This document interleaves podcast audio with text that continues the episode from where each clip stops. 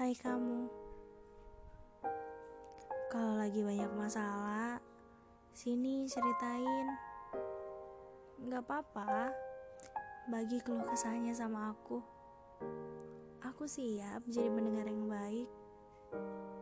Kan dari awal kita udah sama-sama janji.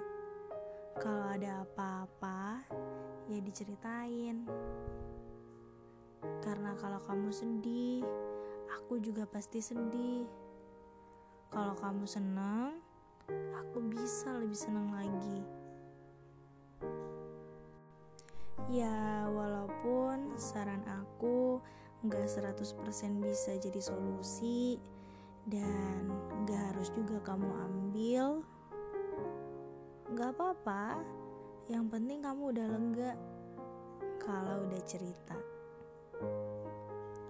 Karena obat yang paling ampuh adalah berbagi cerita. Gak semuanya harus diceritain juga. Tapi setidaknya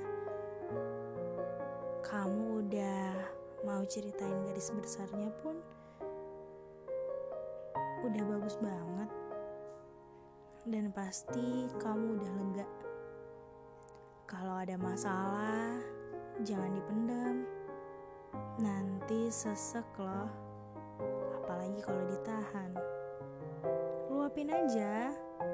Nangis pun juga boleh. Kita sama-sama cari solusinya Dengan kepala dingin. Lagian juga Kalau kamu cerita Aku bakal seneng Karena itu tandanya Kamu ngelibatin aku dalam hidup kamu.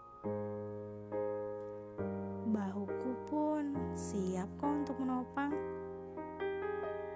Kadang emang masalah di pundak itu sesekali harus disingkirkan dulu. Jadi kumohon jangan cerita di orang lain ya. Nanti aku sedih. Soalnya aku udah anggap kamu rumah, tapi kalau kamu cerita yang sama yang lain, itu tandanya kamu gak anggap aku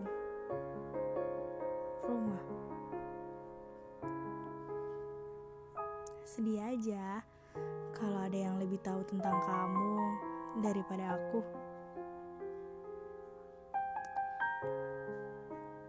Dan percaya deh, dan harus yakin juga, aku pasti jadi paling yang terdepan. Aja persoalan tentang kamu. Iya, garis terdepan.